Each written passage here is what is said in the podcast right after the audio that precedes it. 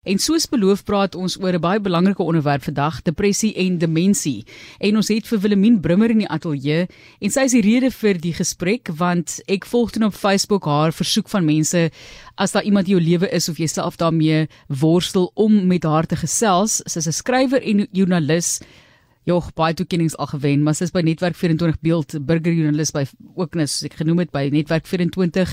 Op die lyn het ons ook vir professor Piet Oosthuizen. Hy's 'n professor in psigiatrie by die Universiteit van Stellenbosch en ons gaan hom nou nou by bytrek om met ons te praat oor die bevindinge en wat in die wetenskap tans plaasvind met die koneksie tussen depressie in jou lewe en latere demensie. Willemien baie welkom en so groot voorreg dat jy bereid is om met ons te praat oor vandag. Hallo Martelies, is baie lekker om jou weer te sien. Die vorige keer toe ek jou gesien het, was ons in daai piepklein kombuisie van jou. in Seepunt. Ja ja ja ja. Ja, ek dink jy het al intussen getrek, nê? Nee? Ek het. En toe het ek vir jou vrae gevra so dis nou vir my 'n bietjie ongemaklik dat jy nou vir my gaan vra vra en ek weet nie eens wat wat jy vir my gaan vra nie. Maar kyk, dit is die, dit gaan nie naaste by so in diepte wees soos jou artikels wat jy reeds gepubliseer het nie. So as jy dink aan die inligting daar, ek ek moet vir jou voorskryf of voorstel om dit te gaan lees. Dis geweldig interessant en dan ook baie belangrik dink ek vir mense om te lees wat belangstel, mense in hulle lewens het met hierdie groot uitdagings. So ek dink daar's niks wat ek vir jou kan vra waarmee ek jou gaan vasvra nie. Ons het ook dan soos ek gesê het vir professor Piet Oosthuizen wat ons gaan help met hierdie situasie.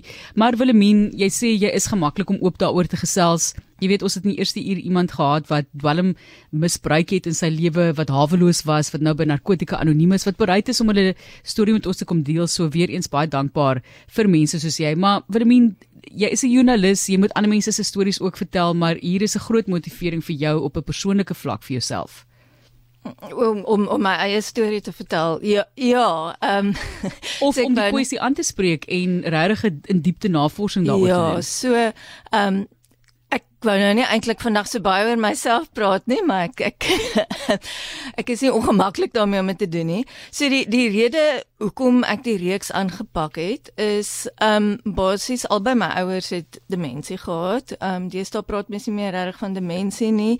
Mense praat nou van ehm um, major kognitiewe storing ehm um, in die DSM-5 dink ek. Maar um, my ma is reeds in 2019 oorlede. Sy het kanker gehad, maar sy is ook later met vaskulêre demensie gediagnoseer. En my pa het Alzheimer se siekte gehad. Hy is in die begin van die jaar oorlede, um, na baie lank siekbed.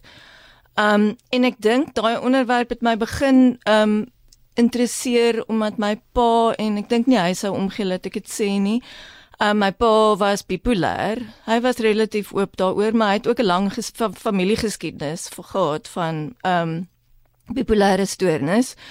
Ehm um, diegene wat nou vir my pa geken het, sou weet sy oupa was Langehoven, die skrywer.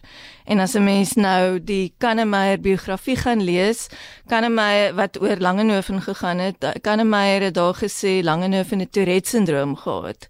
Hy het waarskynlik ook Tourette syndroom gehad, maar hy was baie baie baie definitief ook ook bipolêr. So dis 'n baie lang familiegeskiedenis wat ons mee het. Ek is um met depressie gebore, um in die wieg gelê met die donkerte soos wat ek daar geskryf het. Sure. so dis iets wat ek maar my hele lewe um lank mee stry. So ek veral met my pa maar tot 'n mate met my ma ook. So my ma se naam was Letitia wat beteken vreugde. So sy was nie iemand wat wat gewys het as as 'n hartseer was oor iets en sy was nie regtig 'n depressie leier gewees nie. Maar min of meer in die tyd toe sy met kanker gediagnoseer is, toe het sy ook vir die eerste keer in haar lewe met depressie begin sukkel. En my pa se hele lewe lank. En wat vir my interessant was daaraan was um dat dit baie keer baie moeilik was om te sien wanneer iets die depressie was en wanneer iets die demensie was. Dit was asof dit so tipe van 'n so koeksel is. Um wat wat jy nie die twee uitmekaar kan trek nie. Ehm um, en dan natuurlik het hy tot in die nie nie aan die einde van sy lewe nie, maar tot tot relatief aan die einde nog soms hierdie geweldige helder oomblikke ook gehad. Maar dan kon die depressie vroeër in sy lewe hom ook al was hy wat 'n professor in wiskunde, so baie slim man en ehm um, iemand wat um, ek weet nie of hy regtig so iets soos 'n fotografiese geheue nie, maar as as 'n mens so iets kan kry dan het hy dit gehad. Ehm um, so hy het enige iets onthou, maar wanneer hy depressief was dan ehm um, was dit asof hy in 'n soort van 'n katatoniese staat ingegaan het. En ek ek dink eh, een van die redes hoekom ek toe die artikel aangepak het Ehm um, jammer, ek praat nou baie en ons moet nou nog vir Prof Piet ook aan die woord self. stel. Is ehm um, ja, soos ek sê omdat ek self 'n depressie leier is en ehm um, bewus van was van daai link tussen die twee, daai donker dans tussen die tussen die twee D's. Ehm um, maar gesien het met elke episode van depressie wat 'n mens kry, ehm um, veral hoe ouer jy word en veral as jy in iets soos perimenopause, ek weet nou nie hoe oud jy nou is nie. Jong, ek voel hom, ek dink ek voel hom hard. maar jy weet word daai kognitiewe uitval eintlik erger en ja. en word moeiliker om daarvan te herstel. Ehm um, byvoorbeeld vroeër hierdie jaar ehm um, Ek sou nou my eerlik wees oor want ek dink 'n mens moet oop praat oor hierdie goeters. Vir hierdie jaar, ehm um, na my pa se dood was ek in 'n het ek aan depressie gelei en wat dit my so erg kognitief geraak het dat ek observatory toe gery het van Moubrein dit was baie reënerig die oggend um, maar ek kon nie die huis kry van die ehm um, van die saamry klub maatjie ehm um, so van ja. van my seentjie nie en toe kon ek nou ookie vir die vrou verduidelik hoekom ek nie haar huis kon kry nie want ek was al iets soos 100 keer tevore daar. En dan doen jy nou ook goeie soos wel volgende ek ek is nie op die oomblik in 'n depressie en dit gaan eintlik baie beter met my, maar ek ek ek, ek, ek, ek het vanoggend ehm um, kon ek nie in my huis inkom nadat ek gaan draf het nie. Uh so soos wat jy ouer word, jy weet jy jy, jy kom net agter ja. jy's gedurig besig om jou goederes in 'n ander vrou se trolly te pak by Pick n Pay. Ehm um, jy is gedurig besig die die baas het nou die dag um, toe stuur sy vir my doodsberig aan en toe besluit ek sommer die oues al dood en ek sal nie sê wie dit is nie maar hy hy was nou nog nie dood nog nie en gelukkig is dit ja, nie nee. gepubliseer nie en toe bel sy my en sê maar is jy okay? Ja. So ek ek was net al hoe meer bewus van die kognitiewe uitval wat hoe meer episode jy daarvan het, hoe hoe ja. erger word dit en, en en hoe moeilik is dit eintlik om terug te kom. Maar dit is die, um, dit is een van die dinge wat vir my so uitgestaan het. Ek dink baie kere 'n persoon se brein is besig om so hard te veg om om hulle self te laat beter voel is besig met 'n geveg op 'n ander vlak dat jy hierdie tipe van dinge van waarin jy jou kos wat jy wil koop en wie se mandjie het plaas en so aan dit is nie gefokus daar nie maar iets wat van uitgestaan het kom ons bring vir professor Piet Oosthuizen by professor is waar hulle sê in die artikel en dit is artikel wat jy kan opsoek en dis getitel die dans van depressie en demensie die donker dees van ons tyd en daar's 'n aanhaling waar daar gesê word dat elke keer as jy 'n episode van depressie beleef is dit soos 'n breinbesering prof ek weet nie of jy vir ons bietjie perspektief ka, daar kan gee nie en wat gesê word deesdae oor die skakel tussen depressie en moontlike toekomstige demensie Hallo Martelies, dankie. Hallo Willemien, hoop dit gaan goed. Ehm um, die dit is net soos wat Wilhelmine dan gesê het, die die studie sê vir elke dag wat jy langer in depressie spandeer, is daar direkte korrelasie met die grootte van jou brein. So en daar studies wat oor lang tye gekyk het na, na wat met mense gebeur. Want jy weet ons sukkel gewoonlik weens die stigma van uh psigiatriese siektes. Sukkel ons baie daarmee om mense te oortuig om hulle medikasie op langtermyn te gebruik. Maar die goed waaroor mense dikwels nie dink nie is hoe gevaarlik is dit om nie jou behandeling te volg nie. En en hierdie is een van die groot dinge dat elke dag wat jy in depressie spandeer, doen skade aan jou brein, dit het toksiese dit het toksiese effek op jou brein en dit jy akkumuleer probleme soos die jare aangaan. En dis die ding nou professor, hoekom hierdie gesprekke so belangrik is, want daar's so 'n stigma aan depressie gekoppel dat ja. mense moet besef dis 'n fisiese siekte besering en dat as jy nie gaan vir daai behandeling of vir iemand gemaklik laat voel sodat hulle kan die behandeling kry wat hulle so desperaat nodig het nie dat jy besef jy's besig om die persoon fisiese skade aan te rig met hulle breinfunksionering in die toekoms. Maak dit sin as ek dit so stel?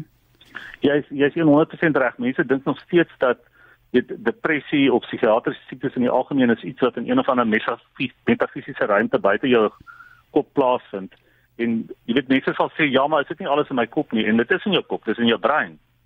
Ehm um, en so, soos wat 'n hartaanval nie goed is vir jou hart nie en soos wat ooreising nie goed is vir jou spiere nie, so is depressie nie goed vir jou brein nie. Dis net 'n orgaan in jou liggaam en hy hou nie daarvan as hy oormatig gestres word nie en hy kan skade kry. Professor, hoe algemeen sien jy dit in jou praktyk as psigiater of liewer professor in psigiatrie by die Universiteit van Stellenbosch? Ek verwys nou na praktyk, maar dit wat jy mee te doen ja. het met die mense wat jy in jou loopbaan raakloop. Nee, mense sien dit definitief so, maar in in 'n in 'n praktykomgewing is dit nou baie moeilik om te sê jy weet as jy as jy mense sien met 20 of 30 jaar dat as iemand demensie ontwikkel dat dit definitief gekoppel is aan die depressie wat hulle gehad het van tevore want mense kry maar sporadies demensies ook. So ons moet ons hierso uh, uh, uh, vertrou op die op die wetenskap wat die wetenskap sê wat kyk wat oor in groot bevolkings gebeur. En die wetenskap sê baie duidelik vir ons dat as mense met bipolêre siekte is ongelukkig omtrent 3 keer so geneig om demensie te ontwikkel soos mense in die ge gewone populasie. En dit hou verband met hoe effektief jy behandel word of nie. Dis nie net dis nie net slegte nuus nie, daar's goeie nuus ook. En dit is vir my 'n baie interessante ding wat in die afgelope paar jaar na vore gekom het dat een van die middels wat ons gebruik byvoorbeeld om bipolêre siekte te behandel wat almal ken, daar's liedjies oor geskryf, dis lithium. Ehm um, en dit verlaag jou risiko om om demensie te ontwikkel. So ehm um, daar dit is nie alles net in een rigting nie. En soos wat hy gesê het, ek verwys weer na daai aanhaling, elke episode van Major Depressie is eintlik 'n hoofbesering. Jy herstel nooit 100% nie. Professor Piet Oosthuizen, ek wens ons het 'n uur gehad, maar daar is 'n program soos Gesondheid met Marie Hudson waar hulle meer in diepte sal gaan met behandeling en hierdie siekte wat mense aanlei. Maar ek wil vir jou laasens net 'n geleentheid gee Willemien. Hmm. Dis baie moeilik en jy het nou 2 minute. Dis dis 'n baie baie baie moeilike taak vir jou. Maar die hoofpunte wat jy onttrek uit hierdie dis 'n reeks. So mense kan dit gaan lees. Daar's al 3 artikels en jy gaan voortgaan daarmee en ek dink iewers gaan jy 'n massiewe prys daarvoor wen. Ek weet dis hierdie rede hoekom jy dit doen nie. maar glad nie kom ek dit doen nie. Dit speel net so groot rol en jy dink natuurlik oor jou eie verganklikheid, jou eie toekoms eh, wat jy so in die gesig staar wanneer jy met hierdie onderwerp werk. Wat het vir jou, wat is van die hoofpunte wat vir jou uitgestaan het? Dalk soos wat die professor sê, jy weet die die baie moeilike statistiek en dan ook die moontlike hoop vir die toekoms. Ja, ek dink die, die die die belangrikste ding is dat dat daar tog dinge is wat wat jy kan doen. Ehm um, en dis iets wat wat jy eintlik vir ehm um, vir professor Piet ook oor kan kan vra. Ehm um, ek is bewus daarvan dat ek die risiko vir demensie het, ehm um, 'n heel wat verhoogde ehm um, risiko want ek het die depressie en ehm um, die familiegeskiedenis van Alzheimer wat wat jou kanse reeds verhoog. Ehm um, die eerste artikel in hierdie reeks het juis gegaan oor genetiese toetsing vir Alzheimer en ehm um, of 'n mens jou nou moet of of jy moet ehm um, gaan vir op jy 4 ehm um, toetse, maar dis dis nou 'n hele ander ehm um, onderwerp, maar ja, ek dink wat vir my belangrik is is is as jy aan depressie bly is hou aan om jou pille te drink. Ehm um, dis iets wat uh, ek nooit in my lewe sal sal los nie. Ehm um, ek gaan hardloop elke oggend. Ek probeer, ek is nie baie goed daarmee nie. Ek probeer mediteer, ek drink my visolie. Ehm um, professor ehm um, Oosthuizen het toevallig het ek nou die dag onthou in die begin van my loopbaan toe ek mediese joernalis was, het ek met hom 'n onderhoud gevoer oor die telefoon nog dink ek destyds oor visolie wat hulle gedoen het om uh, onder skitsofreniese pasiënte by Stikland dink ek jy kan hom daaroor daaroor vra maar dit met mag gesels met ons daaroor toe koms ja maar dit speel natuurlik ook 'n baie uh, groot rol en goeie soos um, soos wat hy daar sê in die artikel as jy As jy goeders doen wat goed is vir jou hart, dan is dit ook goed vir jou um risiko om demensie te verminder. Ja. Ja, Wilhelmine, ek ja, ons moet eintlik julle moet maar weer terugkom. Ek dink daar's so baie om aan te raak, maar die groot eh, punt van hierdie gesprek was om mense te motiveer om behandel te word, om hulp te gaan soek wanneer hulle daaraan ly, want dit is nie net 'n geval van jy gaan deur hierdie diep donker hel nie.